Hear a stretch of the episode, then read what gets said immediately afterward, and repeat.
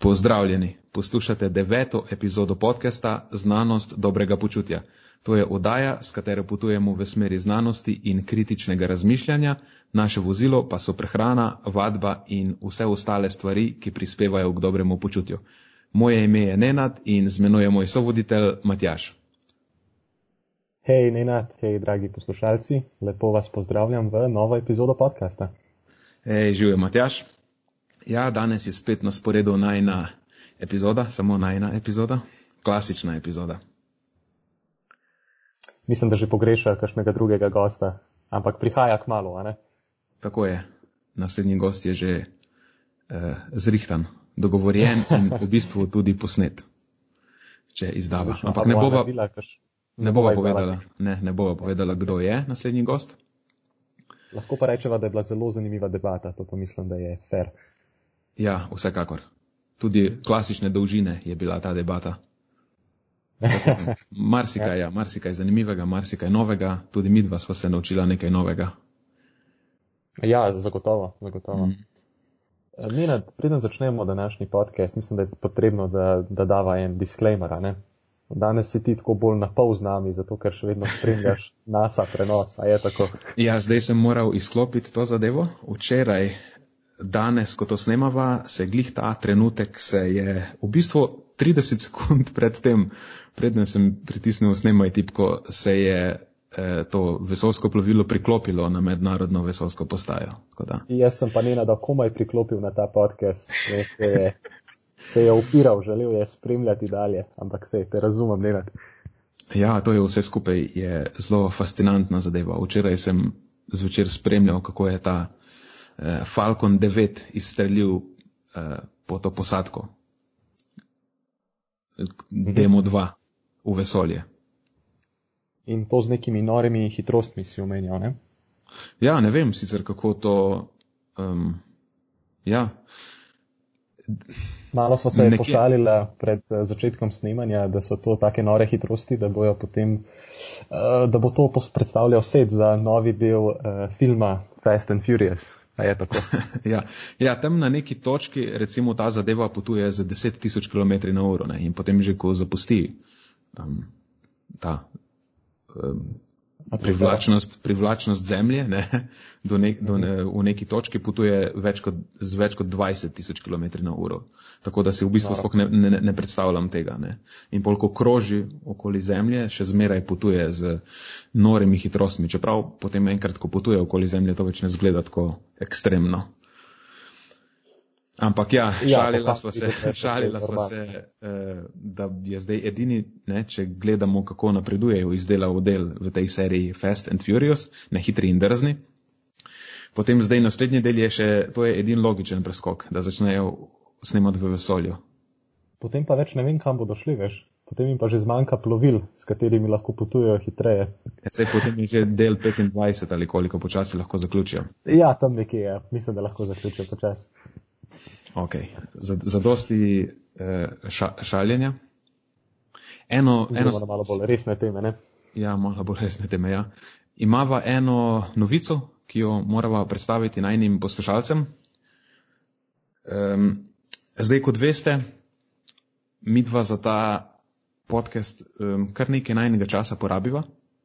Um, hvaležna sva vam za vaš uh, pozitiven feedback. Uh, dosti mi vas je sporočilo, da, da super, da si skrajšate vikend, da binge poslušate epizode eno za drugo in sva super uh, vesela za to.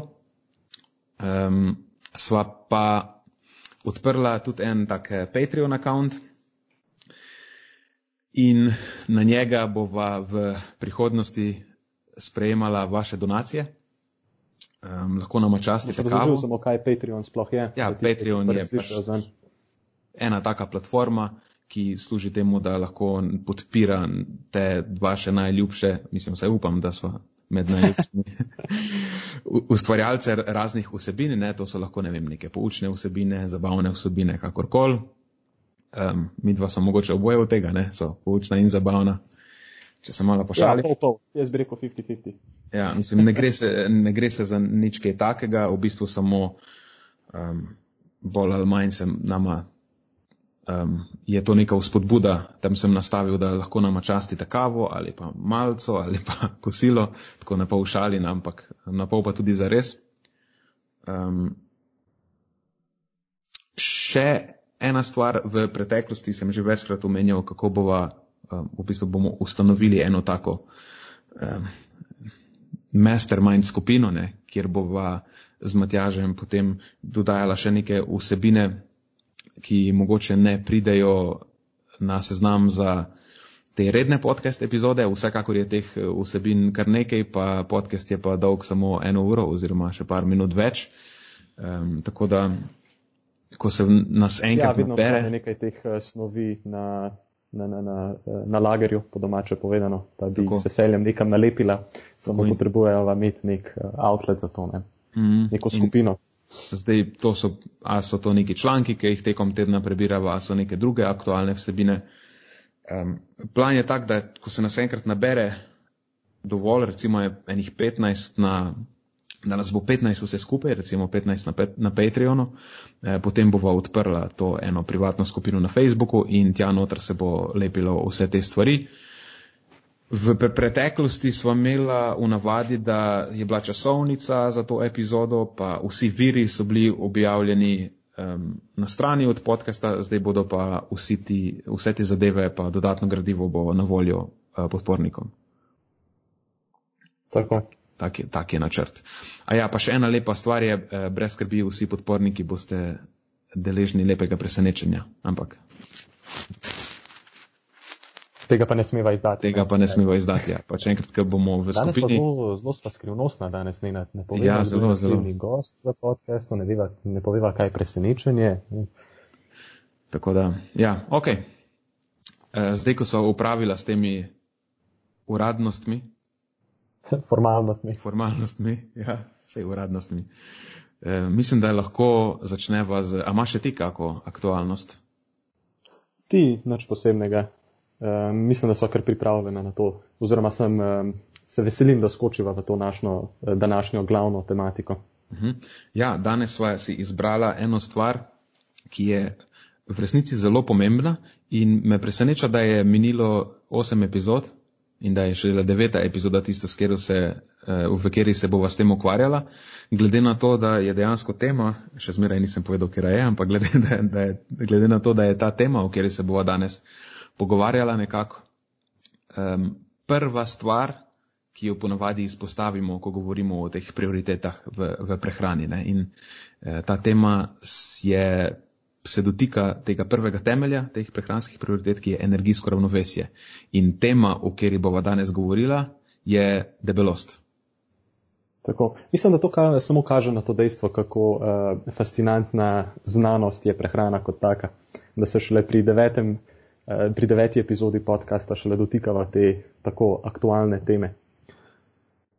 Ja, najbrž je razlog tudi ta, da je to zelo kompleksna tema. Tako, definitivno. Um, zdaj, zakaj sva se odločila uh, ukvarjati s to debelostjo v tej epizodi? Prvo, itak je ta, nekako, v bistvu si bil ti Matjaš ta, ne, ki je to eh, debato v tem hm. zagnal. Tako pobudnik te teme, ko smo se pogovarjali o tem v pisarni ta teden. Tako. In potem je bila z moje strani pa eh, je, je prišla, uh, se ni bila odobritev, samo zdelo se mi je uh, fajn. ja, velik korak, ker sem tudi jaz prebral en zanimiv članek na to temo. Prejšnji teden pa ga bom, vsega bom tekom, um, tekom debate ga bom malo razdelal, ko se mi bo to zdelo primerno, ker je en tak specifičen eh, članek govoril o, v bistvu o tem, kako um, določeni dejavniki tveganja potem korelirajo s to debelostjo, ne? ali so odvisni od debelosti ali um, je, v bistvu vplivajo na debelost, ne? ker to je ena zelo pomembna debata okoli te debelosti, ne? koliko je dejansko, koliko je ta debelost odvisna od posameznika oziroma njegove svobodne volje. To je ena taka zelo uh, kontroverzna debata. Mhm. Ampak dej vam idva najprej uh, povedati, zakaj je sploh ta, zakaj, zakaj je ta debelost sploh problem. v, v čem je zdaj, kaj se bo sploh danes pogovarjala? Ja, za začetek tako, ja, kot si povedal, bi bilo najprej smiselno definirati, kaj za vraga sploh je debelost, oziroma kako jo definiramo v znanosti uh -huh. uh, in pa zakaj je tako problematična. Ne? Uh, zakaj se moramo soočati s to epidemijo debelosti, oziroma zakaj se moramo boriti zoper nje. Uh mhm. A začneva kar s tem, kako, kako pravzaprav sploh definiramo debelost. Lahko, ja. Lahko poveva na začetku, da trenutno pa je to tak najbolj, mm, to je ta zelo splošen kriterij, pa mogoče zaenkrat najbolj razširjen je, eh, se z debelostjo ukvarjamo predvsem oziroma jo definiramo predvsem na podlagi indeksa telesne mase. Ne? Tako, ja, tako. Torej, en tak zelo lahek izračun, mislim, da ga lahko kar vsi poslušalci ta trenutek naredite sami doma, in to je vaša telesna masa v kilogramih delite jo z vašo višino v metrih na kvadrat. In potem dobite tukaj v neko številko. In upam, da je ta številka nekje med uh, tisto zdravo vrednostjo indeksa telesne mase, skratka nekje med, če se ne moti, med 18,5 in pa 25. A je tako ne, to je ta uh, varna meja, a ne? Tako je, ja. 25 je nekak zgornja meja tiste zdrave, vse, kar je nad 25, je potem um, overweight oziroma pretežko do 30, nad 30 je potem temu rečemo prvi razred debelosti, to je class 1 obesity, potem je 35 naslednja, ki je class 2 oziroma drugi razred debelosti in nad 35 je ja, ta class 2 in potem class 3 je um, naslednji je 40, se mi zdi. Tako, to je pa že ta ne, tako imenovan uh, morbid obesity. Ne, tako, tako. Ja, v bistvu morbid obesity je zastareli izraz. Zdaj je class 3 obesity se uporablja, mhm. včasih rečejo high risk A, točno, obesity. Pred kratkim je bilo glih eh, kontroverzno, ko je eh, Nancy Pelosi, eh, predsednika Trumpa, označila za morbidly obese. Tako. Eh, ja. Če, čeprav je po vsej verjetnosti zdaj predvidevam, no, nekje meji najbrž na debelost prvega razreda, oziroma je morda v tisti kategoriji. Ne? Da, nekaj takega. Sej, ta zadeva je bila problematična iz eh, večjih eh, pogledov. Mhm. Že samo to, da nekoga označiš kot morbidni obis na ja, pač na socialnih omrežjih, ali kako? Ja, mislim, bilo je javnosti. na, ja, v javnosti, bilo je na, na, na TV je bilo, ne. Je že samo po sebi problematično. Ampak pustiva, to se zdaj že dotikava politike. Je vsekakor ena, spoh ta ja. obiseti stigma, rečejo, to je um, stigma debelosti, je ena zanimiva tema, ki jo lahko mogoče razdelava enkrat v prihodnje. Ampak zdaj recimo, da bo ostala pri teh bolj uh, takih trdih fiz, fizioloških temah. Tako. Ne bova šla toliko v psihologijo debelosti. Čeprav na nekih točkah se bo mogla tudi tega ja, dotakniti, ja, ker je to pomemben dejavnik. Um, Zagotovo, ne gre mimo tega. Ja. Skratka, rekla sva, da je tista uh, naj, najbolj varna meja indeksa telesne mase, najbolj varna v tem kontekstu, um, da imajo tam posamezniki načeloma najmanjši riziko uh, pojava najrazličnejših obolenj, nalezljivih ali nenalezljivih, oziroma temu rečemo kar smrtnost iz vseh razlogov. Mhm. Rečem načeloma, ne zato, ker seveda obstajajo tukaj tudi izjeme, ampak o tem več kasneje. Ja, zdaj tako je. Ponavadi večina raziskav, ki uh, se ukvarjajo s tveganjem zaradi povišanja telesne mase, povišanja telesne mase, uporabljajo pač indeks telesne mase. Uh, to je zdaj ali edini nekak kriterij, po katerem zadeve vrednotijo, ali pa eden izmed glavnih. Ne? Zdaj, obstaja uh -huh. več razlogov, zakaj je to najbolj priročno, ne, ker je invazivna tehnika in tako dalje. Um, stvar vsekakor ni popolna. Včasih, veš, to je zdaj, dosti ljudi je pametnih. Ja, pa indeks telesne mase, ne, kaj pa, če ima nekdo nadpovprečno mišično maso. Ja, ne, nekdo ima lahko nadpovprečno mišično maso, ampak na populacijskem nivoju, ne, koliko je zdaj teh ljudi. Ne dovolj, da bi v nekih večjih raziskavah ali pa recimo javno zdravstveno to kakorkoli, veš, bistveno lahko vplivalo ja, na te rezultate. Ne? Zdaj, za posameznika ta indeks telesne mase ni najboljša mera, ampak v raziskavah, sploh če so to večje raziskave, pa neke javno zdravstvene raziskave, je pa v bistvu ta indeks telesne mase um, se kar dobro zgodovinsko obnesel. Obstajajo tudi recimo na večjih vzorcih um, zadržki, ampak lahko rečemo, da trenutno je precej jasno, da dokler imamo ta indeks telesne mase okoli teh uh, recimo 20, dobrih 20 do 25, je naše tveganje za večino bolezni, to so tako nenalezljive bolezni, torej te take kronične rečemo, ne, diabetes, um, neurodegenerativne bolezni razne, um, druge degenerativne bolezni, rak, um, vse to precej dobro korelira s tem. Enkrat, ko imamo indeks telesne mase previsok, ne, ko začne naraščati tam od 25 naprej, se naše tveganje eh, močno poveča in v bistvu tudi v drugem ekstremu, enkrat, ko je ta indeks telesne mase eh, prenizek, eh, to je tudi problem. Zdaj, zato današnjo debato to mogoče ni zelo pomembno, ne, ker vseeno bomo govorili pretežno o, o debelosti. Ja, zdaj se, zdaj se pogovarjamo o tistem drugem delu tega spektra. Ne. Ja, ker podhranjenost je nek drug, je tudi problem, ampak je pač drugačen problem. Um, tako da ta indeks telesne mase uh, v raziskavah precej dobro korelira s tem povišanim tveganjem. Ne? Ko je povišan indeks telesne mase, uh, je se poviša tudi naše tveganje. Je pa, prej si že načel to, da um, spok za posameznika to ni vedno najboljši indikator. Ne? In tudi recimo v večjih raziskavah, če potem temu vzorcu dejansko odmerimo razne komponente njihove, teles, njihove telesne mase, recimo da, jih, da jim merimo tudi pusto telesno maso, pa posebej maščobno maso, vidimo, da je to povečanje tveganja zaradi povišanega indeksa telesne mase um, skoraj v celoti na račun maščobne mase. Ne? Enkrat, ko tam začne maščobna masa naraščati čez neko um, zdravo mejo, temu rečemo, začne močno naraščati tudi tveganje.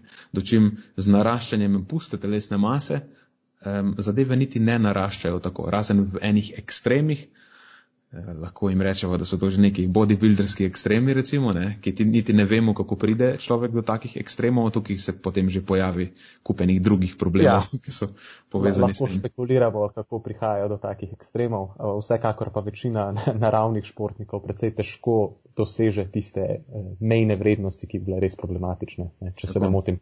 Tako.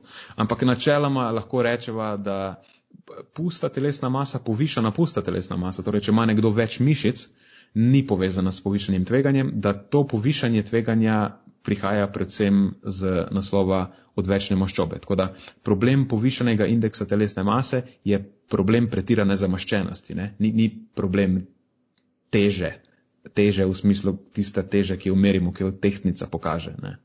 Imamo lahko. Oziroma, morda bi celo lahko naredili eh, nek case, da je večja količina puste mase do, na nek način celo zaželjena. Ne? Uh, ja, vsaj čist iz zdravstvenega vidika. Um, še posebej potem kasneje v življenju, kjer je nekako normalno in uh, naravno, da nam začne upadati pusta masa. Uh mhm. -huh. ja, v tistem obdobju potem dejansko pa pusta telesna masa korelira z boljšim preživetjem. Več uh, puste telesne mase, kot imaš, nekako bolj zdravo se staraš, lahko temu rečemo. In tudi z večjo količino, kot štartaš, boljša je tvoja prognoza, če lahko starost opredeliva kot neko stanje. Ne? Uh mhm. -huh. Ja, zagotovo. Ja. zagotovo. -huh. Ok, pol zdaj, ko smo nekako, upam saj, da smo uspela eh, ljudem predstaviti, zakaj je ta indeks telesne mase ni popoln. Ne? Ker če imamo nekoga, ki ima precej nizek odstotek maščobe, pa veliko puste telesne mase, zanj ta pa ima ob tem povišan indeks telesne mase, ne, ker mišice vseeno so težke, on ne bo nujno imel povišanega tveganja. Lahko celo, da bo imel znižano tveganje ne, na račun povišane puste telesne mase. Tako. Um, ampak kaj pa recimo potem uporabimo na mesto tega? Ja, obstajajo kar precej nekih alternativ temu. Um, Zdaj, mogoče pri tej, pri tej debati, ne, omenil si, da indeks telesne mase je zelo pogosto uporabljen ravno na račun tega, ker je tako enostavno merilo in potem se ga lahko uporablja v kakšnih teh večjih presečnih raziskavah, ne, ki zajemajo širšo populacijo. Tako da mogoče je tudi ena stvar, ki jo moramo vzeti v zakup, ko iščemo alternativo za indeks telesne mase, tudi da je ta alternativa precej priročna, ne? nekaj, kar je dostopno za vsakogar. In ena izmed takih alternativ, ki se meni zdi zelo dostopna, pa tudi veliko bolje uh, korelira z debelostjo oziroma z uh, zdravstvenimi težavami kot takimi, je recimo meritev obsega trebuha. Ne? ali pa recimo razmerje med obsegom pasu in obsegom bokov. Uh, te, obe te dve meritvi, vsaj kar je meni znano, uh, precej bolje nakazujeta ne, v tej smeri. Uh -huh. e, sej, samo če te malo lahko prekinem. Seveda.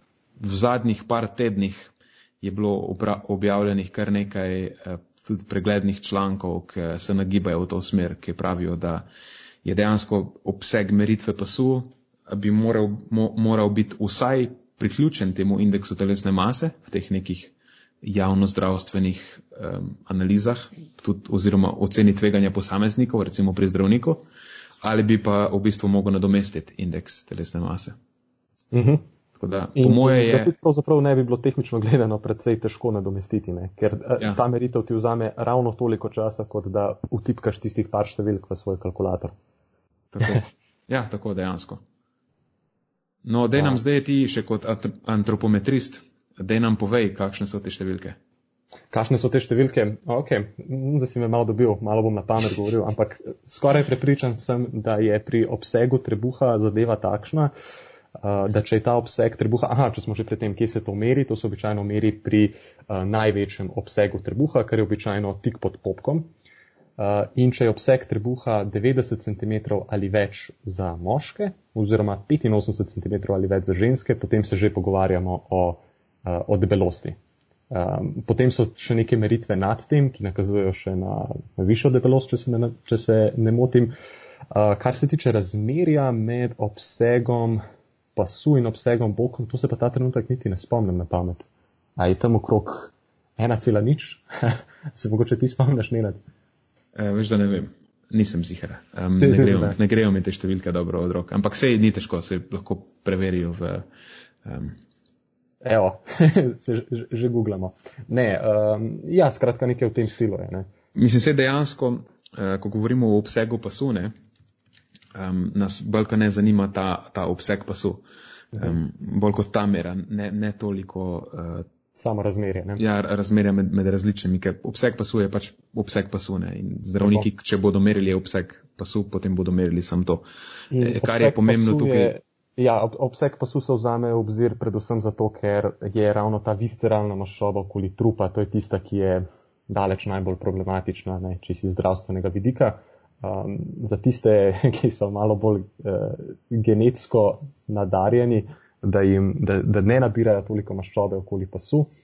Um, morda tudi ni tako zelo problematično to za njih, ne iz zdravstvenega vidika. Ja, to je en, en izmed ključnih razlogov, zakaj za je obseg pasu dejansko precej boljša metrika, po moje. Ne? Tako kot si omenil. Uh mhm. -huh. Predvsem nabiranje maščobe okrog pasu, oziroma sploh nabiranje visceralne maščobe. Ne? To je pač maščoba okoli notranjih organov, ker ni podkožna maščoba. Nekako zdaj že vemo, da je podkožna maščoba je manj škodljiva kot visceralna maščoba, ki se nabira okoli notranjih organov. In ko je maščoba nabrana okrog notranjih organov, se bo to poznalo na obsegu pasu. Ne, definitivno. Mhm. Um, to je zdaj že tako precej dobro je ustanovljeno, da visceralna maščoba bolje korelira z tveganjem, ne je povezana s tveganjem, kot sama, sama količina maščobe.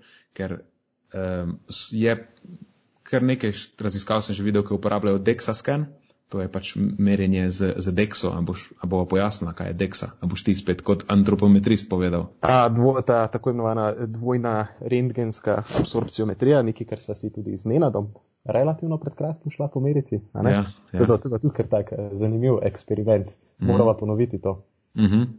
uh, skratka, to je ena taka aparatura, um, če se lahko malo bolj lajčno izrazim, enostavno uležeš se, uh, uležeš se na njo, zadeva te poskenira, pošle skozi tebe rentgenske žarke, ne, od, od tot tudi izvira samo ime. Um, in na podlagi, um, na podlagi te analize ti potem zadeva lahko pove, kakšna je tvoja telesna sestava. Uh, skratka, koliko maščobe imaš in kje je ta maščoba tudi locirana. Ne? Taka velika prednost, ki je recimo ne dobimo z indeksom telesne mase, ki nam načeloma nič ne pove o razporeditvi maščobe, nam pove samo razmerje, višina maščobe, uh mhm. -huh. višina masa. Um, ja, pa še ena prednost deksa je tudi v tem, ne, da pravzaprav je bila v osnovi zgrajena zato, da, da, da meri pusto maso v obliki kostne mase. Mogoče to tudi ni zdaj stvar današnje debate, ampak mm -hmm. fun fact. Tako. V glavnem, kar je na, pomembno za najno debato, je to, da ti DEXA skener lahko pokaže, kje imaš dejansko maščobo porazporejeno. Ali jo imaš okoli v končin bolj razporejeno, ali jo imaš v spodnjem delu, ne, ali jo imaš okoli, eh, okoli trebuha, recimo trunk fat se temu reče. Ne. Je, nekak... pa, je pa problem DEXA v tem, da je precej, mislim, relativno draga aparatura, je, nimamo je vedno na razpolago, um, terja nekega uh, usposobljenega um, posameznika, ki zna upravljati to mašino, a ne in mm. tako dalje. Mislim, sama mašina je že draga. Tist... Kako? Mislim, pa že naprava sama je draga, ne zelo draga. Naprava sama je izjemno draga, ne z razliko od enega nekaj... meritvenega traku. ja, to ni nekaj, kar ima nekdo doma, ne, to še tako bolnišnice nimajo. No, v glavnem nauk te, oziroma ne nauk, ampak ja, nauk teh raziskav z DEXA skeniranjem je, da um, je predvsem maščoba v tem delu okoli trebuha je tista, ki je povezana z neugodnimi učinki na, na tveganje. Se bo pa polo o kasneje bo povedala, zakaj točno. Um, v glavnem, ja, to je ključno zdaj, da je predvsem maščoba okrog trebuha uh, problematična in da je zato obseg meritve pasu predvsem boljši kot indeks telesne mase. Tako. A je še kakšna taka metrika, ki bi bilo vredno izpostaviti?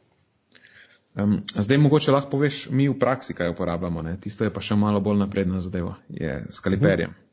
Okay. Uh, ja, tako mi pa v praksi uporabljamo uh, kaliper, sicer pogosteje ga uporabljamo, oziroma najpogosteje ga uporabljamo za športnike, ne? tam si lahko predstavljate, kako zelo pomembna je um, ugodna uh, telesna sestava, kajti to ima izjemno pomemben vpliv na samo zmogljivost. Uh, športnika in se tudi seveda razlikuje od športnika do športnika. Eh, zadeva pa zgleda tako, da se eh, na osmih različnih antropometričnih točkah po celotnem telesu najprej se jih nastavi, potem se zmeri tam kožno gubo in potem se te podatke nekako unese, lahko se jih unese notri, ni pa nujno, lahko se spremlja samo sum teh osmih kožnih gub in potem spremljamo nek trend tega. Ne. Seveda, če gre ta sum osmih kožnih gub skozi čas dol, potem posameznik izgublja telesno maščobo in obratno. Lahko pa te številke potem tudi vržemo notri v najrazličnejše uh, enačbe, teh enačb je več tisoč. Uh, pomembno je, da izberemo enačbo, ki je najbolj, um, se najbolj približa posamezniku, ki ga merimo. Skratka, karikiram, ne obstajajo enačbe, ki so narejene na NFL igralcih, ne, torej igralcih ameriškega nogometa. Ne moremo take enačbe potem posplošiti za neko generalno eh, rekreativno aktivno populacijo. In na podlagi te enačbe potem dobimo neko okvirno številko, kar se tiče eh, deleža telesne maščobe, kar se tiče količine puste in pa maščobne mase, eh, absolutno gledano, torej v kilogramih. Ampak tudi to je zgolj neka ocena. Ne? Neka ocena, ki pa nam da nek precej relativno dober približek in pa v končni fazi, tudi če ni 100% pravilna, je to pravzaprav nam čisto vseeno. Ne. Glavno je samo, da imamo nek približek in pa da je, ta, da je ta napaka, ki jo izmerimo, da je vedno enaka ali pa vedno kar se da podobna. Samo da dobimo spet tisti trend, ki ga lahko spremljamo skozi čas, ali se zadeva premika v eno smer ali pa v drugo. Vse pri tem je dejansko pomemben samo seštevek. Uh te kožne gube. Ne? Zdaj to, da mi to potem mhm. pretvarjamo v odstotke, je samo zaradi tega, ker ljudje radi vidijo te odstotke. Tako, ja, tako. Um, dejansko je ta odstotek pač samo, tako kot praviš, neka ocena, ki je tako tako. Je pa mogoče ena potencijalna slabost te metode to, da dejansko meri pod kožno maščobo samo, ne, ne moreš oceniti z njo. Uh, Ne, visceralne maščobe. Visceralne maščobe. Tako da, eh, tako, ja, tako da recimo, um, je pa zelo dobro za spremljanje napredka, če uporabiš obseg pasu v kombinaciji s tem. Ne? Recimo, ja. Recimo. ja. ja. No, ena stvar, um, ki sem jo hotel še povedati na tej točki, zakaj je ta visceralna maščoba toliko slaba, ne? Sej, mislim, to, da, že samo to, da povejo, da se ti maščoba nabira okoli notranjih organov, je problem. Um, um, še en večji problem pa je, ko enkrat ta visceralna maščoba oziroma eh, pač ta tvoja zamaščenost, ki je nekako individualno določena, nekje je ta zgornja točka, tvoj maščobni prag, ali kako bi temu rekla, ko doseže ta tvoj maščobni prak eno točko, potem se ti začne nabirati tudi, ek, temu rečemo, ektopična maščoba. Ne? To je pa dejansko shranjevanje maščobe oziroma infiltracija maščobe v tista tkiva, kjer načeloma naj ne bi bilo veliko maščobe. Ne? Recimo vjetra oziroma okoli jeter, um, mišice, srce, um, trebušne slinavke isto.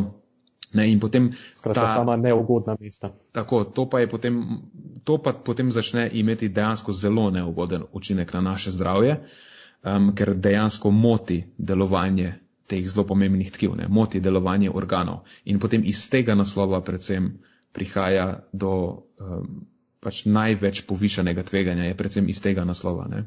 ko, nam, ko maščoba začne infiltrirati ta tkiva.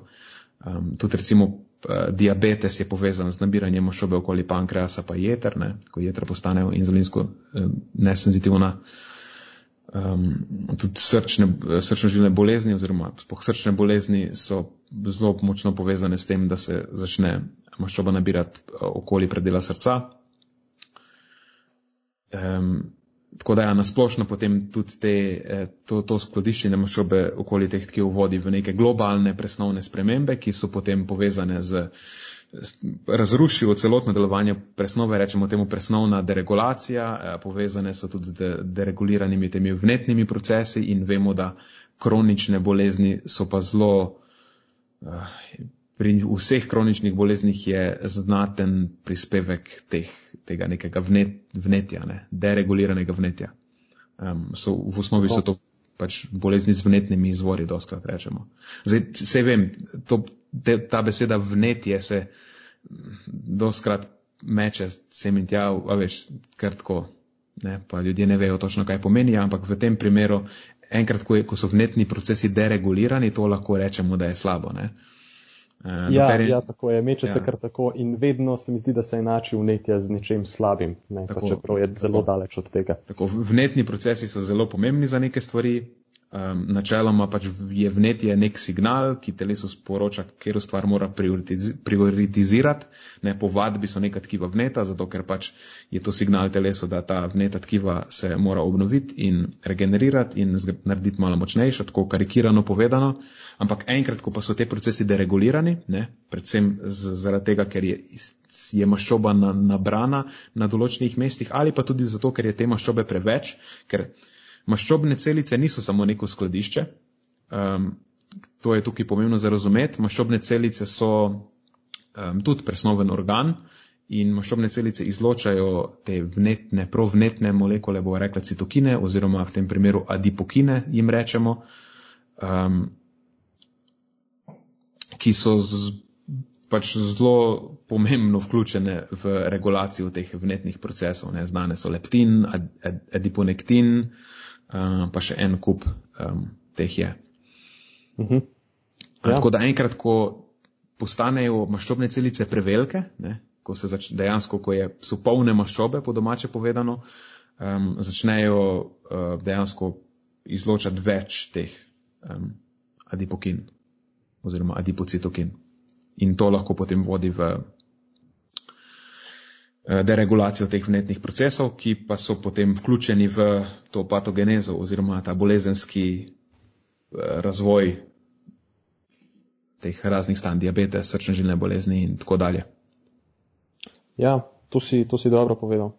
Um, nekaj, je, nekaj sem se še spomnil med tem, ko si to govoril in sicer um, mislim, da eno zelo pomembno metriko bi lahko še omenila, ko mhm. se pogovarjamo o teh bolj enostavnejših metodah spremljanja telesne sestave in to je ena izmed najpogostejših uporabljenih metod, to so kakšne te tehnice, bioimpedance ali ja. tanita in podobne stvari. Mislim, da bi to poslušalce zanimalo, kaj zdaj s temi stvarmi. Zakaj pa tega ne uporabljamo, sej terja vsega skupaj 15-30 sekund, da dobimo neko meritev ven iz tega.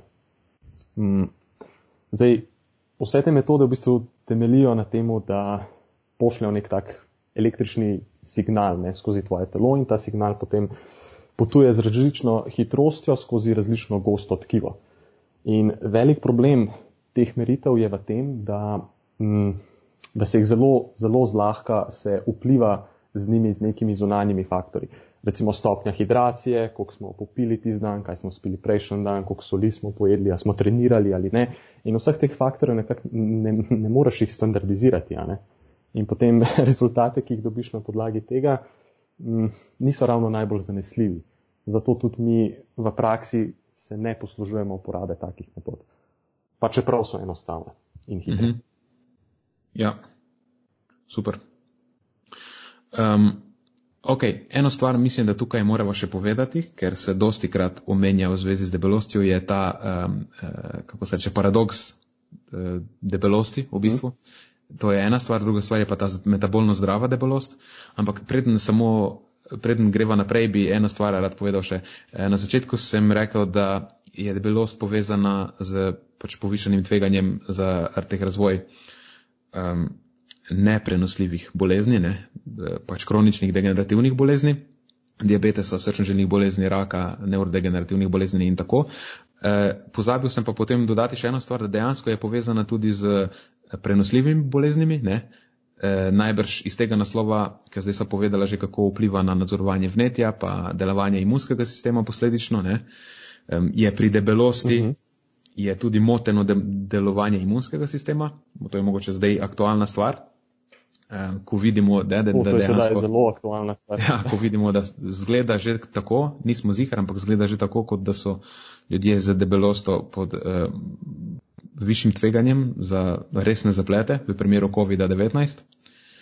Um, še ena druga stvar pa je, oziroma tretja v tem primeru, da je debelost povezana tudi z povišenim tveganjem za smrt zaradi nesreč in takih stvari. Ne? Kar je tudi logično, ker ko ima nekdo prekomerno maso, ponavadi teže, a veš, vzdržuje neko ravnotežje, večkrat pade. Um, če si težji, pa padeš, si, je večja možnost, da se nekaj zlomiš. E, potem v starosti je debelost tudi povezana s, s to sarkopenijo, oziroma temu rečemo sarkopenična debelost, ne? ko so dejansko starejši ljudje, ki so predebeli, ponavadi so manj aktivni, a pa imajo manj zdrav življenjski slog in potem imajo, mislim, že v starosti tako ali tako pusta telesna ma masa upada in de, ta debelost lahko še pospeši upadanje pusta telesne mase in um, tudi zaradi tega potem. Ja, to so pa razni zapleti, na katere sploh ne pomisliš, ne tako iz prve roke, uh, da bi lahko debelost vplivala na njih, ampak mm. dejansko ne, tudi paci, ravnoteže, tako kot si omenil, vse to, uh, vse to so zelo, zelo, zelo pogosti mm. uh, vzroki celo smrtnosti. Ne. Tako. No, s tem sem hotel samo nekako povzeti eh, to, kar smo rekli na začetku, da je debelost oziroma eh, telesna masa ne, in v eno in drugo skrajnost, ampak v tem primeru pač se pogovarjamo o debelosti, je tako ključen s prehrano povezan dejavnik tveganja za različne bolezni. Ne. Ali pa ko govorimo o zdravi prehrani, naj rečemo, da je to nekak prvi zakon zdrave prehrane. Ne. Tvoja prehrana je zdrava takrat, ko ti omogoča vzdrževanje zdrave telesne mase in mogoče še bolj natančno, ko ti omogoča vzdrževanje zdrave telesne sestave, ne. neke uh mhm. -huh. zdrave količine telesne maščobe. Samo tako sem hotel potegniti črto, rečemo temu, preden se dejansko dotakneva. Kaj pa potem? Ja, ne, se super, ki so pelju. Prosim celoto. Tako, ker so um, metabolno zdravo debeli. Ne.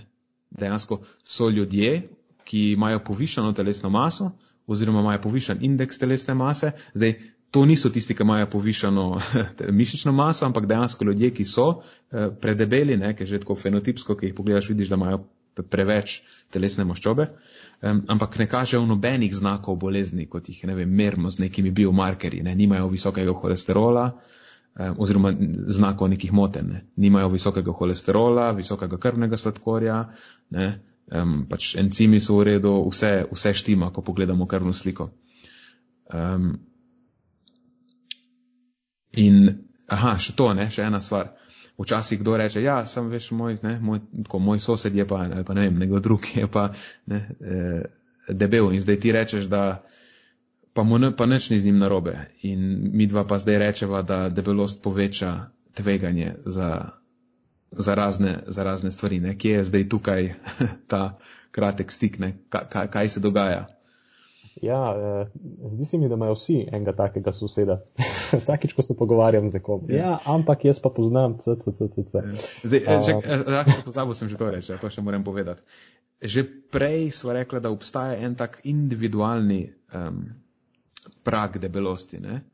Različno smo, različne predispozicije imamo v smislu, kako, do kere mere se lahko zredimo, ne? preden začne nam, ali se nam začne maščoba nabirati okoli notranjih organov, te, ne ta visceralna maščoba, ali pa še bolj pomembno, ne preden dejansko začne ta maščoba infiltrirati in postaja ta ektopična maščoba. Ne? Razporeditev maščobe, mislim, da kar lahko rečeva, da je um, precej odvisna od genetskih dejavnikov. Ne? Vemo, recimo, najbolj osnovno je pri moških in ženskah, je zelo različna um, razporeditev. Ja, to je, pač, mo, ali smo moški ali ženske, to je predvsem od genetike odvisno, ne? tega ne moš vplivati z, z okoljskimi vplivi. Um, no, obstajajo pa še tudi pač drugi eh, genetski dejavniki, ki potem vplivajo na to. Ne? Lahko imamo dva moška, recimo, ki imata zelo drugače razporejeno maščobo. Vse mi dva z Matjažem smo recimo tak primer. Ker to veva dejansko, ker smo oba naredila deksa skeniranje ne? in imava zelo ja. različno porazporejeno maščobo. Um, in potem tudi to bo ključno vplivalo na to, ne? na kjeri točki debelosti dejansko se začne tvoje tveganje povečevati in kako je povečano. Nekdo, ki skladišči predvsem, ki je nagnjen k temu, da skladišči maščobo predvsem okoli uh, trebuha, okoli notranjih organov, lahko že, da bo pridobil, ne vem, a veš, tisti kilogram čez to mejo, pa bo mu to začelo povzročati težave. Nekdo, ki pa je nagnjen k temu, da po periferiji oziroma po okončinah, ne, ali pa v zgornjem ali pa pretežno zelo v spodnjem delu telesa, okoli nog recimo nabira maščobo, um, ta maščoba pa dejansko ni povezana z zelo s povišenim tveganjem in ta bo začel kazati znake kasneje. Ne? Tako da lahko imaš nekoga, ki pri ne vem, 80 kg, ne nekega poprečnega moškega, ki ima mogoče 5 kg ekstra maščobe samo, pa ima vso nabrano okoli notrnih organov, da bo imel že neke znake presnovnih moten, ne? ki so tako pač prve lučke na armaturki, ki se začnejo prižigati, ko nekomu šepa presnovno, zna, eh, presnovno zdravje. Lahko pa imaš enega, ki bo imel, vem, 130 kg na isti telesni masi, Mislim, na, na ja, 130 ne, kg, ne na isti telesni masi, na isti telesni višini. Um, in ne bo kazal nobenih znakov, ne, ker bo imel dejansko ja, večino maščobe. To je tudi en faktor recimo, teh raziskav. Ne. Tukaj se v bistvu na nek način poročajo se samo neke sredine, običajno je tako. tako. Uh, vedno imaš pa potem ljudi, ki se nahajajo na levi ali pa desni strani te Gaussove porazdelitve. In mm. pač nekateri, pri nekaterih se bo te države že manifestirale prej, pri nekaterih tistih malo bolj genetsko nadarjenih pač kasneje. Um, ampak vsekakor pa se v neki točki pač bodo. Ja. Mm.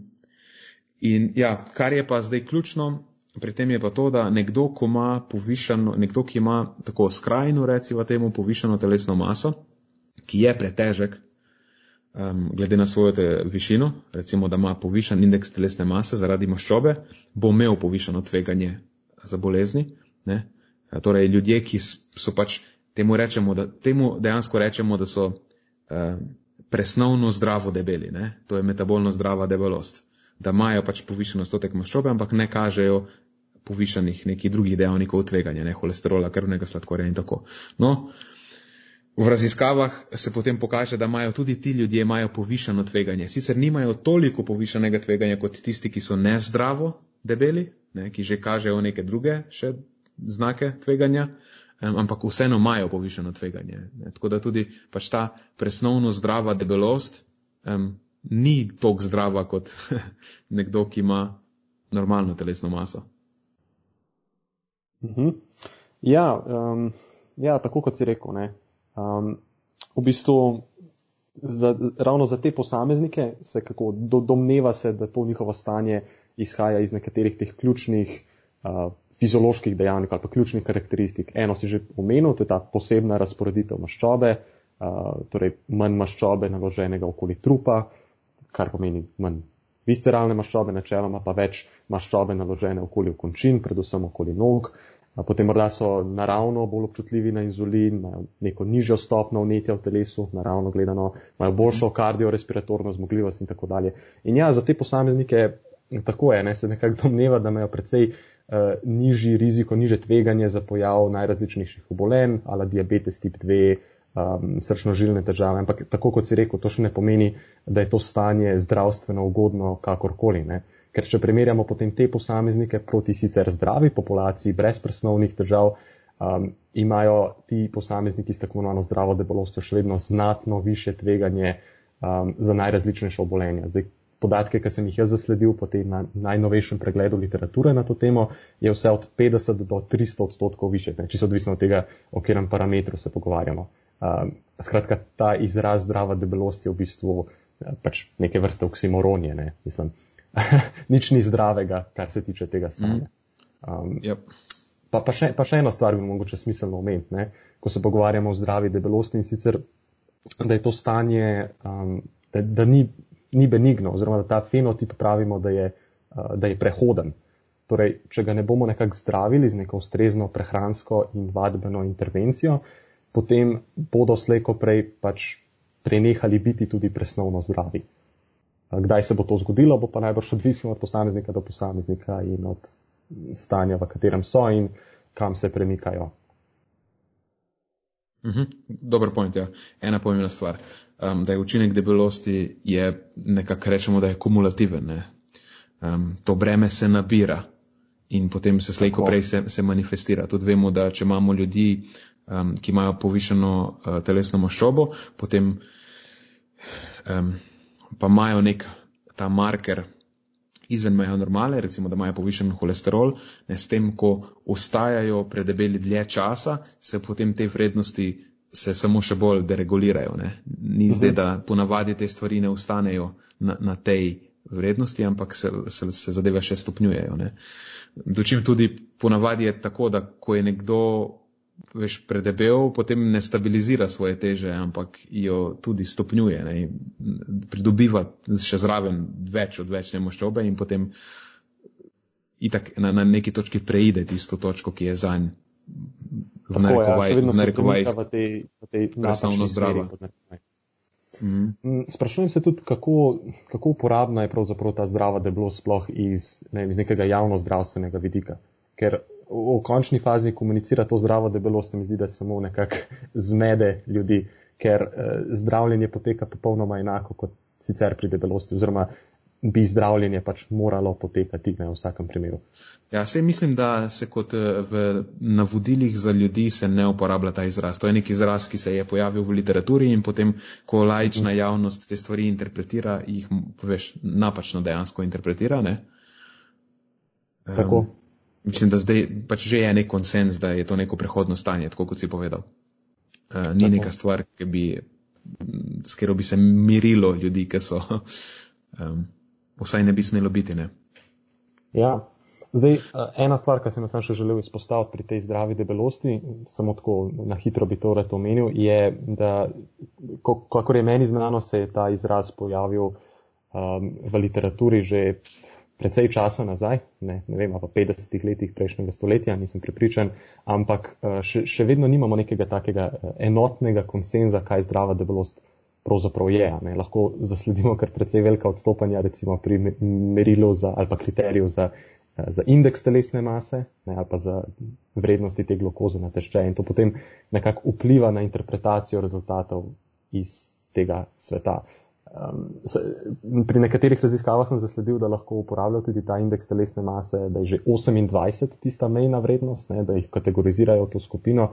Ampak jaz sem prepričan, da lahko najdem nekakšnega športnika moči, ki ima indeks telesne mase 28 ali več. Zagotovo nima nekega uh, negativnega vpliva na zdravje, to, tako kot so prej omenila. Mm. Ja, dobro, to je problem potem te same diagnostike, ne, pa kaj uporabljaš. Um, ampak recimo, da bi rekla, da je nekdo predebel na podlagi meritev maščobe. Veš. Ja, tako, tako. Ne, se strinjam, to sem sam ja. skožil. Ne, bom, ne, ne bomo rekli, da je nekdo debel, ko ima povišen delež oziroma po, ja, povišeno pusto telesno maso. Ja, ja, ja, je pa res, da je to je marsikje težava v literaturi, ko, ko so neki termini, ki niso dobro definirani ne? in potem o čem se sploh, o čem se sploh pogovarjamo. Tako, točno to. Točno to. Um, se mogoče tudi, eh, čakaj, ena stvar, ki sem jo hotel povedati še v, v, pri tej metabolno zdravi debelosti, ampak mi je lej, zdaj ušla, očitno že ni tako pomembna. Eh, se pa mislim, da na tej točki eh, lahko eh, stvar zapeljeva še v to drugo temo, sva, na katero smo namignila, je pa um, ta paradoks debelosti. Um, uh -huh. V smislu, da za neka stanja oziroma za neke bolezni ali pa neke starostne skupine imajo lahko z povišanim indeksom telesne mase oziroma zdaj že deva reči pri povišani telesni masi imajo manjše tveganje. Ne, in temu pa rečemo paradoks debelosti. Uh, ampak tudi tukaj mislim, da ta stvar izvira iz večinoma iz tega, da um, pač dejansko iz tega, da niso bile te raziskave zelo rigorozno narejene ne? in so se primerjale, primerjale jabolke in hruške med sabo. Um, S temi jabolkami in hruškami slučajno namigoval na to porazdelitev maščobe in pri ženskah. uh, ne, nisem, ker to tukaj ni uh, bistveno, se mi zdi. Gre se doskrat bolj za to, da starejši ljudje. Antropometrična šala. Ja, um, gre se bolj za to, da pri, recimo pri raziskavah, ki ugotavljajo zmanjšano tveganje za um, določene negativne izide, um, z višjo telesno maso, ni bilo upoštevano to, ali so bili ti ljudje prej bolni, ali so bili zdaj bolni, ali koliko so bili, bili stari, ne? ker na neki točki, recimo pa že lahko rečemo, da eh, sploh ko govorimo o, o starosti, tukaj govorimo, da povišana telesna masa, tudi če je na račun debelosti, ni več toliko škodljiva. Ne? In mhm. dejansko, če imaš nekega starostnika, ki je star že 70-80 let, in je veš, preživel tiste vse kritične točke, ja. zanj bo dejansko zdaj povišana telesna masa na tej točki mogoče celo koristna. Ne? Bolj koristna, kot pa če bi imel um, neko nižjo, nižjo telesno maso. Spoh ti ljudje, če recimo zbolijo, pristanejo v bolnici um, z, ne, ne vem, z neko boleznijo, ki je povezana s povišanim vnetjem, ne? Eh, ki bi lahko vodila v kaheksijo ali pa take stvari, recimo zbolijo za rakom, oni so dejansko zaradi te povišane telesne mase Eh, mogoče celo zaščiteni. In potem pri njih definitivno bo težje zaznati ne, to povišeno tveganje zaradi debelosti, oziroma ga sploh ne bo. Ne. Prej se tudi rekla, da je breme debelosti je kumulativno. Zdaj, če, če imaš nekoga, ki v svojem, v svojem tem srednjem življenjskem obdobju ne, um, je debel, potem bo breme te debelosti trajalo 20-30 let in potem pri njegovih 50-60 letih, 70 mogoče, a pa pred 70, eh, v narekovajih udari ven, ne, se manifestira in zboli recimo za srčno žilno boleznjo ali pa celo umre od tega. Če pa imamo nekoga, ki, veš, nekako kasneje, že v kasnejšem življenjskem obdobju, v starosti, pade v to kategorijo povišane telesne mase oziroma debelosti, eh, pa bo to zanj manj škodljivo. -huh. ker pač to nima več časa, ne, da nabere za dosti te kumulativne škode, da bi mu debelost dejansko škodila, po drugi strani pa lahko koristi, ne vem, če pade si zlomi kovk, a veš, vse take stvari bodo potem ti starejši ljudje lažje preživeli, če dejansko imajo neke zaloge. Tako.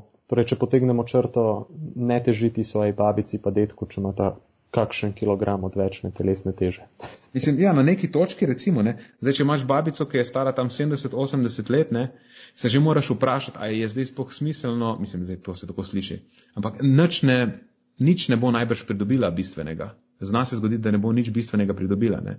Tudi če vemo, lahko da izgubi, so, lahko pa izgubi, ja, ker vemo, da so starejši ljudje, um, niso več tako aktivni, ne, ne jejo radi za dosti beljakovin in pol, če te ljudi damo na neko skuševalno dieto, zna biti, da bo izgubila pusto telesno maso. Ne? To pa je lahko za starejšega precej katastrofalna. Ja, res je, ja. res je. Zelo dober point. Uh -huh. um, kaj, moramo še kaj pri tem paradoksu izpostaviti. Da, um, a moramo? Ne vem, zdi se mi, zdi se mi da sva zajela vse ključne točke, ravno prskam, če še kakšna zadeva, ki smo jo spustila. Aha, mogoče še ena stvar lahko pozoriva je ta, da ko se razvaja, izvajajo te raziskave, ki so recimo ugotovile ta nek paradoks debelosti, ne, včasih so, veš, tudi ne, ne upoštevajo, če so ljudje bili prej bolni. Ne. Če, če, če imamo nekoga, ki je recimo imel prej raka, pa je zdaj ozdravel od raka in ima na račun tega um, nižjo telesno maso, ne, ali pa zaradi neke druge telesne ima nižjo telesno maso, veš, ti ljudje so potem itak imajo povišeno tveganje zaradi tega. Ne. Recimo pri rakastih obolenjih že samo zdravljenje poveča tveganje za neke, za neke stvari. Ne. In potem, če za te dejavnike ne nadzoruješ, pa daš te ljudi v skupino, ki, oh, to so pa ljudje, ki imajo zniženo telesno maso. Hvala, da pol nekako, ne, so to ljudje z višjim tveganjem. Pa ne zaradi tega, ker imajo nižjo ja, telesno maso. Tako prideš do napačnih zaključkov po nesreči. Ja, in v glavnem dosti eh, teže dokazov za ta paradoks debelosti, mislim, da izhaja predvsem iz, eh, iz tega naslova. Ali gre za ljudi, ki so starejši, ali pa gre za dejansko te neke metodološke pomanjkljivosti. Mhm. Super. Cool. Ok, mislim, da smo zdaj to problematiko samo debelosti sva uh, dobro razdelala. Ok, dejva, bom jaz na tej točki omenil to raziskavo, ki sem jo, ki sem jo hotel predstaviti. Mm, ker mislim, da, da ja, zelo super, dobro. Mislim, da se tukaj dobro unese notri. Ja, z, mislim, da zelo dobro na koncu tako, zaokroži eno tako celo, uh, to, to celo stvar. Um, gre za raziskavo, pač naslov je spet tako kot skozi polna usta, reče se Proteomic Profiles Before and During Weight Loss Results from Randomized Trial of Dietary Intervention. Um, torej gre za te proteomične profile pred in po izgubi telesne mase um, in to so rezultati iz ene randomizirane raziskave, ki smo jo že omenjali na tem podkastu.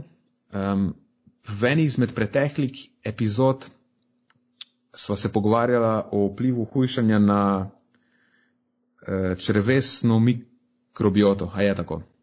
In tam Tako je. sem omenil, da gre za sekundarno analizo ene raziskave, ki se je reče DietFits, ki je precej odmevna raziskava, ki je bila primarno raziskava o izgubi telesne teže na nizkohidratni ali nizkomašobni prehrani. In sva, mislim, da glih takrat sva se šalila na to, kaj še imajo ti raziskovalci na zalogi. Ne? In Ne. evo ga, to In- imajo in- še na In zalogi. evo ga, ja, in evo ga pred dvema tednoma ali celo pred enim tednom so objavili še eno sekundarno analizo, kjer so udeležencem te raziskave merili um, razne plazemske proteine, ne, ki so biomarkerji nekih vnetnih ali pa kardiovaskularnih sprememb. Zdaj, prvi avtor te raziskave je Silvija Figarska, ampak gre pač za to skupino Kristoferja Gardnerja iz Stanfordske univerze, to je tam znana šola uh, School of Medicine, šola medicine, medicinska šola. Uh, v glavnem v tej raziskavi so tem ljudem, to je, to je bilo 600 udeležencev, ki so imeli v bistvu povišano telesno maso, so bili težki ali pa predebeli in so bili 12 mesecev razporejeni na to shujševalno dieto. Eh, Pri, pri njih so merili ravni 236 teh plazemskih, plazemskih proteinov, to so v bistvu proteini v krvi, po domače povedano. In zmerili so jih na začetku, po treh mesecih in po šestih mesecih, ne, nekje na polovici. In zdaj, zakaj je ta stvar zanimiva? Ne? Ker prej sva že omenila, da so ti razni vnetni in kardiovaskularni, ne, srčno-žilni biomarkerji, so povezani z, uh, z debelostjo. Ne? In potem povišane vrednosti teh biomarkerjev so pa močno povezane z, z povišenim tveganjem za, za različne bolezni, ker nekako nakazujejo na to dere, deregulacijo teh raznih vnetnih in, in presnovnih poti, ki potem prispevajo k razvoju bolezni, oziroma so kauzalno upletene, temu rečemo. So stvari, ki povzročajo te bolezni. Um, in potem je tukaj na, na tej točki veliko debate o tem, kako se ti markerji oziroma ravni teh markerjev spreminjajo v odvisnosti od, od telesne maščobe. Ne? Eh, Ali dejansko telesna zamaščenost ne povzroča, da pride do sprememb v teh eh, markerjih, ali lahko mogoče ti markerji že nekako napovejo eh, spreminjanje te telesne maščobe. Ne? Imamo eh, razne hipoteze o tem, kako neke stvari že predhodno lahko napovejo, ne, nabiranje telesne maščobe. Eh, ali pa recimo uspeš, uspešnost na, na, neki, na neki dieti. In potem je te raziskovalce valjda zanimalo, ali mogoče lahko na podlagi tega, da že v izhodi, izhodišču so ti neki biomarkerji povišani ali pa znižani, ali lahko to mogoče napove potem uspešnost, uh, uspešnost diete. Ne? Tako da, so, kar so dejansko oni naredili, je to, da so izmerili so ta indeks telesne mase, na začetku ne, in pa so ga spremljali šest mesecev in vmes so jemali še, še vzorce. In ugotovili so, da od teh 263 analiziranih proteinov jih je bilo 120, jih je bilo povezanih z izhodiščno telesno maso. Ne. Pomeni, da že samo, ko so oni pogledali, a je nekdo pretežek in koliko je pretežek, ne, so, so lahko sklepali o v, vre, v ravneh 102 teh markerjev. Ne? Tako da v bistvu že za več kot, um, za več kot eno tretjino teh uh, proteinov je nekak telesna masa napovedovalec, ne? določa njihovo vrednost. In potem z spremembami v telesni masi, ne tekom hujšanja, ker večji delež ljudi na tej, v tej raziskavi je izgubljal telesno maso, pa je bilo s temi spremembami še 130 je bilo pa povezanih. Ne? Tako da dejansko polovica spremljanih proteinov je bila povezana z spremembami v, v telesni masi. Nekako izguba telesne mase je povzročila te spremembe. Je pa tako zelo zanimivo, keri proteini so bili povezani. Recimo leptin je bil eden, ki je bil definitivno, mislim, da je bil celo najbolj povezan od, od vseh. Ne.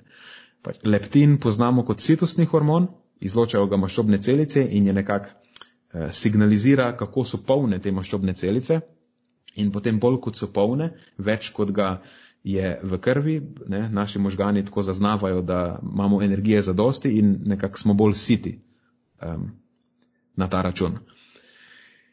Zdaj v tej luči se sliši leptin fajna stvar, ne? čim več leptina, tem boljše. Ampak povišane ravni leptina pa so najbrž upletene tudi v te bolezenske procese uh, zaradi kroničnega vnetja.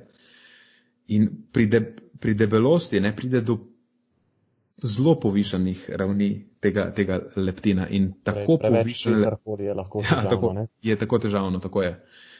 Um, in ta povišan leptin zaradi debelosti je dejansko povezan z srčno-žilnimi boleznimi, diabetesom in eh, pač raznimi degenerativnimi boleznimi. Tako da tukaj je bil leptin že na začetku, je bil visok, ne, v odvisnosti od telesne mase in potem, ko uh, se je ta telesna masa v tem primeru normalizirala, je tudi leptin se, se normaliziral.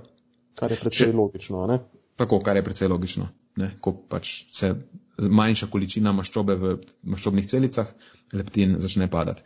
No, še en, ena, uh, en zanimiv protein je ta interleukin 6, ki je tudi um, adipokina, je pa, oziroma vnetna citokina, gre za provnetno citokino. Um, pač to je neka stvar, ki stimulira vnetne procese, tako po domače bomo rekli in je tudi upleten v razvoj in napredovanje teh raznih bolezni z vnetnimi izvori. Ne. Diabetes, ateroskleroza, nekatere vrste raka, spet neurodegenerativne bolezni um, in enako. Tako izhodiščna telesna masa kot um, spremembe v telesni masi so zelo dobro napovedovale um, vrednosti in spremembe. Ne. Ko je padala telesna masa, so padale tudi vrednosti te provnetne citokine. Um, Poje pa še ta eh, FABP4, to je eh, Fatty Acid Binding Protein, je še ena zanimiva stvar. Um, gre za protein, ki je upleten v razvoj inzulinske odpornosti pa ateroskleroze, um, pa pač povišene ravni so kar dosledno so povezane z diabetesom, pa visokim krvnim tlakom, uh, pa srčno-žilnimi boleznimi. E, ta je bil pa nekje vmes med leptinom in interleukinom, tudi zelo, zelo močno povezan in na začetku in z spremembami. Um, no, poleg tega pa potem, aha, še ena stvar, ki jo je, pa recimo, da je tudi jo uh, pomembno omeniti, je še AXL, je, to je receptor, receptor tirozin kinaze, uh, ki je ena zadeva, ki je prekomerno izna, izražena pri raznih malignih stanjih, to, ne, pri rakastih obolenjih recimo, in pač povišana aktivacija tega proteina je povezana z um, povišano tudi povezana je s povišano aktivacijo teh onkogenih, rak, rakotvornih poti. Ne. In je bila tudi pri um, s tem, ko je padala telesna masa, je, so padale ravni tega proteina. No, pa, pa po drugi strani je bilo pa še več proteinov, uh, ki so bili pa negativno povezani z, uh, z izhodiščno telesno maso in so se potem povišali s tem, ko so ljudje izgubljali telesno maso. In v tem primeru pa lahko rečemo, da gre recimo za neke zaščitne proteine, ki so uh, pa povezani v normalnih okoliščinah z, z, bolj, z bolj ugodnimi izidi. Recimo više ravni teh proteinov so pove, povezane z manjšim tveganjem za presnovni sindrom in, in diabetes. E, tukaj je pol cel seznam, v bistvu je cela. Um, celo, cela, kako bi rekel, črke so, no. cela abeceda je, ne. imaš ta IGFBP, ki je, kako je to, insulin growth, a, če lahko razvozlam to, growth factor binding protein 2 je po moje. E, in potem imaš IGFBP1, pa PON3, to spoh ne vem, kaj je, e, rasni hormoni in take stvari, ne, si nerelevantno. Ampak dejansko vidimo, da je, so, so te ne, ali začetna, začetna telesna masa in pol spremembe v tej telesni masi, večino teh sprememb, ki so povezane s tveganjem, napovedujejo. Ne. Dočim samo ena stvar, od 263 je samo ena stvar, je pa značilno napovedovala izgubo mase. To je pa eh, FGF 21, ki je pač fibroblast growth factor 21, um, gre, to je nek regulatorni protein, ki je vpleten v presnovo glukoze in maščob. In um, tudi, tudi napovedovalec je presnovnega sindroma in diabetesa, spoh če so te ravni znižane pri um, svetlopoltih ljudeh, kaj je to pri kaukazijcih, rečemo temu. Um, in pa povezan je tudi z, z nižjim vnosom sladkorja in pa z znižano željo po sladkem. Tako da recimo, da lahko na podlagi tega nekako identificiramo ljudi, ki se boljše odzovajo na shujševalne diete. Najbrž zato, ker so lahko bolj dosledni. Ne? Ampak mhm. all in all nekako so potem v tej raziskavi zaključili, da ničesar ne moreš napovedati na podlagi teh proteinskih biomarkerjev. Ne? Da so dejansko ti, ti biomarkerji so odziv na neke spremembe v telesni masi. Ne? Niso ti biomarkerji tisti, ki vplivajo na, na spremembe. Ampak so posledica. Tako, ampak so posledica. Um, in mislim, da je to po eni strani je, mislim, ne, ni, pač nekako, mislim, da to lahko opolnomoči ljudi, ne? ker nič nekako v sami osnovi ne, smo mi tisti, ki lahko te um, spremembe povzročimo. Ne? Ni nekaj že proti nam na začetku naštimano. Mm, ja, to pa mislim, da je tako dober uh, pogled na celotno situacijo. Vse je v naših rokah, ne, če si tega zares želimo. Mhm. Uh, Zdaj, mi Nenad, a, a, a lahko čakamo še kakšne rezultate teh, eh, te raziskave? V kakšno bodoči del podcasta? Nimam pojma, zihar imajo še kaj. Ja, pustimo se presenetiti. Ampak na tej točki mogoče lahko narediva zdaj obvoz oziroma Vse ta moj zaključek se nekako dotika te naslednje točke, ki bi se je mogoče bilo fino dotakniti, je pa to, da um, ja, stvar je pod našo kontrolo, ampak koliko je zares pod našo kontrolo? Kaj, kaj so dejansko vzroki debelosti? A smo res, a je res samo vsak posameznik sam, ne? ker rečemo, ja, pa sej samo kalorije notri, kalorije ven. Ne? To je vse, kar moraš narediti. Tako enostavno se sliši. Uh mhm. -huh. Um, ja, no, da, da ne bova še tle začela, kako tak enostaven koncept, ki se sliši enostavno na papirju, spraviti v prakso. Ja. Uh, ja. ja, to je dejansko princip, ki 100% drži, ne? ampak v, v praksi in posamezniku doskrat ni uporaben. V bistvu lahko kar rečemo, da je dokaj, dokaj neuporabna zadeva. Ja, to je pač sam, samo princip. Ne? To je, kot če bi nekomu povedal, da reven si zato, ker zapraviš več denarja, kot ga zaslužiš. Ja, pač, odlično, ja. hvala za to informacijo. Ja, Nič super. si ne moram pomagati z njo, kako naj zdaj pridem ven iz tega, da sem reven. Ne? To je pa tisti ključ. Tako. Zdaj ta prispodoba mogoče ni, ni popolna, ampak se mi pa zdi, da je vsem zadosti dobra, ker veš tudi na to, koliko denarja ima nekdo, pa kjer službo ima, pa veš, kakšna je njegova izobrazba, pa koliko ima nekih drugih obveznosti v življenju, koliko časa dejansko lahko nameni svoji službi. Ne? Ali vse to so potem dejavniki, ki vplivajo na to, koliko denarja imaš. Ne? Isto kot vplivajo na to, koliko, ima, koliko je tvoj energijski budžet ne, v smislu zaužite in, in porabljene energije. Ker pač telo je kompleksen sistem, temu rečemo. In eh, pač kompleksen sistem ne pomeni, da je, da je zelo zapleten, ampak pomeni, da je neka črna skrinjica. Ne? Vsebuje veliko različnih komponent, Eh, pa nam delujejo različne komponente, ki potem vplivajo ena na drugo in potem samo na podlagi inputov, ki jih daš v ta kompleksen sistem, ne, ne moreš natančno predvideti, kaj se bo zgodilo. In edino, kako bi lahko opisal ta kompleksen sistem z eno tako enostavno enačbo, je tako, da bi vedel vse, kar se dogaja znotraj te skrinjice. Ne. To pa je zaenkrat nemogoče. Ja, in tudi v bližnji prihodnosti lahko računamo na to, da, da bo ostalo nemogoče. Ja, mislim, da smo še kar, smo še kar daleč od tega. Um, zdaj, glede na to, da sem midva že eno uro porabila za to, da smo govorila o tem, kaj je problem debelosti, kaj je problem debelosti oziroma kaj je problematika debelosti in da smo se začela dotikati vzrokov debelosti, jaz predlagam, da tukaj narediva konec za danes uh mhm. -huh. in s tem nadaljujeva naslednjo epizodo. Ja, se strinjam, ker bova um, porabila še eno celo epizodo samo za ta del. Tako je.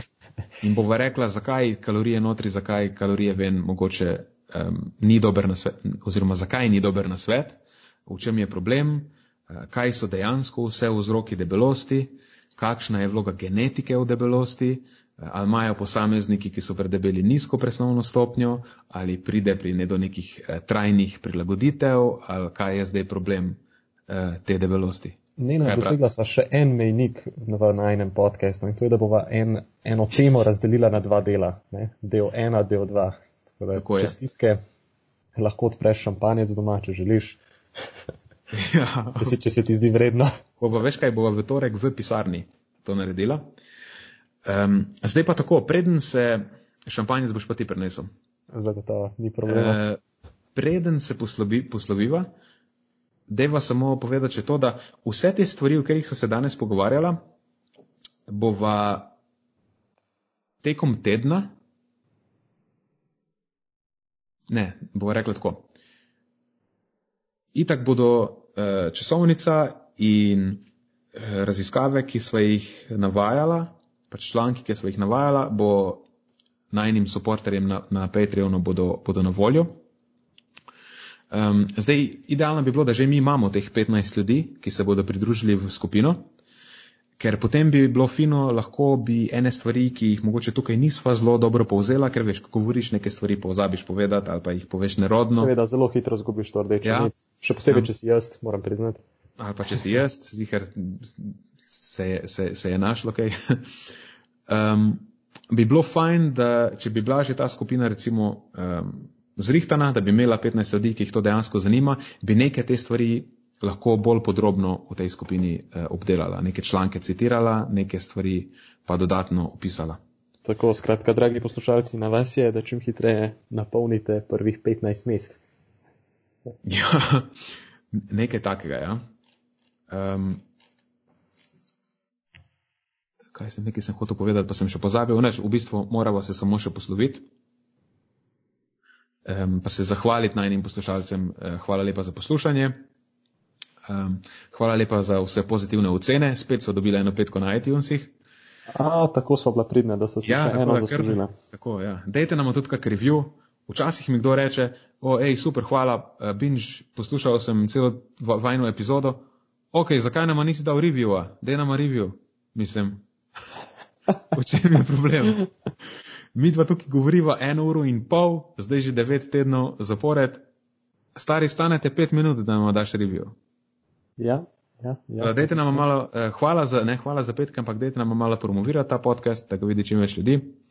Um, no, od te, toč, od te točke naprej tudi hvala vsem, ki se boste odloč, odločili najno delo uh, podpreti z donacijo preko Patreona. Um, link boste, bo pripet, vse posod pri teh epizodah. Um, definitivno se vam bo ta stvar obrestovala. Uh, ja, mi pa se bomo zagotovo potrudila, da, da narediva še nekaj, um, ja, nekaj dodatnih zanimivih informacij skozi uh, dneve oziroma tedne, takrat, ko ni podcastov. Um, tako da mislim, da, da se bo splačalo. Ja, v bistvu po pravici povedano, to sploh ne bo donacija, ne? ampak boste dejansko dobili dodatne vsebine. Ja. Tako da pač dobite dodatne vsebine. Ni zdaj, ja, donacija. Dejansko ni zdaj, da daješ nek denar za brezveze, ne? ampak dejansko boste dobili dodatne vsebine.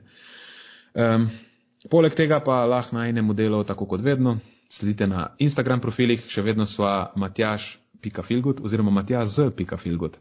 Ja, že rečem- je nažalost niso pustili. Ja, skozi rečem Matjaž, ne, ampak potem A, a vidiš, to je problem, zato pa ne dobim novih followerjev. Ker rečeš pa tja že in potem me ljudje iščejo in me ne najdejo. Ja, na Instagramu ni šumnikov, tako da Matjaž z pika filgut in moj je nenad Ne na pika filgut.